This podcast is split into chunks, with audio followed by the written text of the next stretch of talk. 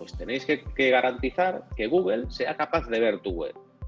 Que cuando Google está rastreando por Internet, sea capaz de encontrar la tuya. Pues si no, va a ser imposible. Ya no vas a poder ser categorizado, ya no vas a poder ser indexado y, por tanto, nunca vas a salir en resultado de búsqueda.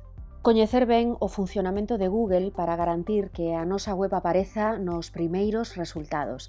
De seguro que ese é un dos obxectivos do teu negocio. A través deste episodio do podcast do IGAP Responde ofrecémosche algunhas claves. Benvidos e benvidas. Google encárgase de rastrexar as páxinas webs e ordear todos eses espazos en base ao seu contido. O seguinte paso que realiza é a indexación, que consiste en incorporar todo iso a unha base de datos. E se non logramos estar indexados, nunca imos a ir nunha busca. Que debes facer? pois garantir que todas as URLs estean presentes en Google para aparecer nesas búsquedas, eh, ter menús con poucos niveis de xerarquía ou dispoñer dunha web que cargue o máis rápido posible, entre outros aspectos.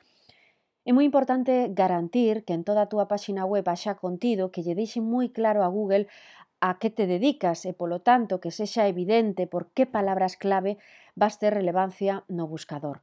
José Alcañiz forma parte do ámbito de operacións do IGAPE Responde e explícanos como facer. El contenido, ¿vale? En base al contenido que tenga tu página web, va a meterla en un cajón, ¿vale? Pues oye, esta web habla de mm, pellets, pues la voy a meter en el cajón de webs que hablan de pellets. Esta web habla de mm, pesca submarina, pues la voy a meter en el cajón que habla de pesca submarina. Y esta web habla de lo que sea. Entonces, fijaos, ya, primer punto importante. ¿Cómo sabe Google de qué habla tu página? Pues a través del contenido, del texto. ¿vale? Tú puedes poner una, una web preciosa de, fotos de pesca submarina de la mayor calidad, con copyright, de, influencers mundiales de la pesca submarina, que como no menciones la palabra pesca submarina dentro de la página web, Google te va a calificar como web de fotografías. En definitiva, tenemos que garantir que todo contido da nosa web xire ao redor da nosa. ¿Y cómo lo podéis hacer? Bueno, pues optimizando los textos de la web para que contengan las palabras clave que os interesan. Si tú te dedicas a, decoración e interiorismo, pues ya sabes lo que tienes que hacer. Tienes que garantizar que hablas mucho de decoración, de diseño de interiores, de muebles, de lámparas, de todo lo que tenga que ver semánticamente con ese clúster. Y toma la bomba que os he soltado. ¿Qué es un clúster? Un clúster es una agrupación semántica de palabras. Si yo tengo, por ejemplo, pues como algún caso de alguna empresa que estamos asesorando, eh, una tienda online que vendo muebles, eh, objetos de cocina, de baño, de decoración, ¿vale? Son cosas muy distintas, ¿vale? Entonces, cada una de ellas supone un clúster que se le llama, es decir, una agrupación semántica. Entonces, dentro del clúster muebles, yo tendré que repetir con insistencia en mis textos, pues palabras, muebles, mobiliario, amueblar, ¿vale? Eh, pensad que al final Google es un buscador semántico, entiende palabras y las interpreta. Se necesitas asesoramento sen custe neste aspecto, ti tamén pode ser un dos negocios que o reciba. O procedimento é moi sinxelo, só tes que realizar a solicitude a través da nosa web responde.igape.es.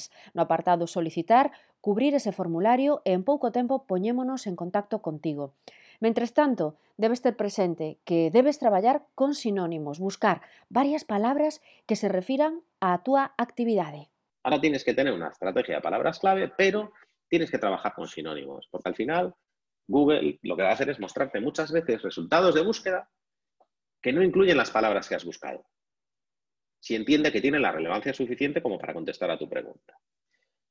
Un ejemplo, por ejemplo, es si pones en Google edad de la mujer de Rajoy, pues te va a salir un snippet de cero, de cero clic que es Elvira Fernández Balboa, tiene 52 años. En ningún momento he mencionado el nombre de esta persona, ni, ni quién es, pero Google ya entiende que la mujer de Rajoy es esta persona. Mais alá de dispoñer do teu listado de palabras clave, tamén debes localizar aos teus competidores e analizalos para ter unha comparación coa túa páxina web. En calquera caso, o equipo de expertos do IGAPE Responde pode ofrecerche o asesoramento que necesitas e sen ningún custe. A través deste programa, posto en marcha pola Xunta de Galicia, tamén ofrecemos apoio para atallar os erros máis comuns que adoitan cometer as empresas, como, por exemplo, o feito de contar con organigramas que conlevan unha estructura moi ríxida e que leva a organizacións lentas nas que non existe un crecemento exponencial. Así nos lo explica Javier Rivas, do ámbito de persoas do IGAPE Responde. Y esto viene la imagen precisamente de las muñecas rusas. Al final eres el líder, eres el jefe, eres el director, eres el responsable. Y luego lo que vas teniendo son personas a las cuales tú les diriges órdenes. Yo soy más partidario de un organigrama y una estructura más horizontal, aunque sí deba de existir alguna vertical, pero más horizontal, porque al final estas personas son sus propios accountabilities. Son las personas responsables en rendir cuentas y compiten con ellos mismos. Ellos van a dar su mejor versión. Y esta es la manera que tú vas a tener para que pueda crecer tu empresa y que tu empresa pueda proyectar a nuevas unidades de negocio.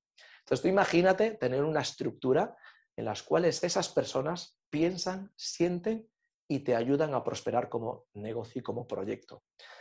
Cada vez más vamos a ver que las personas se van a unir a ti si participan en un proyecto que reúna unas condiciones que vayan más allá, algo que sea disruptivo y al mismo tiempo que tengan el reto de querer avanzar como personas y como profesionales. Entonces nosotros tenemos que hacer un juego y ese juego es precisamente que la persona cuando esté en nuestro proyecto, en nuestro negocio, se sienta partícipe de él. Porque si no se siente partícipe de él, él o ella va a montar su propio proyecto.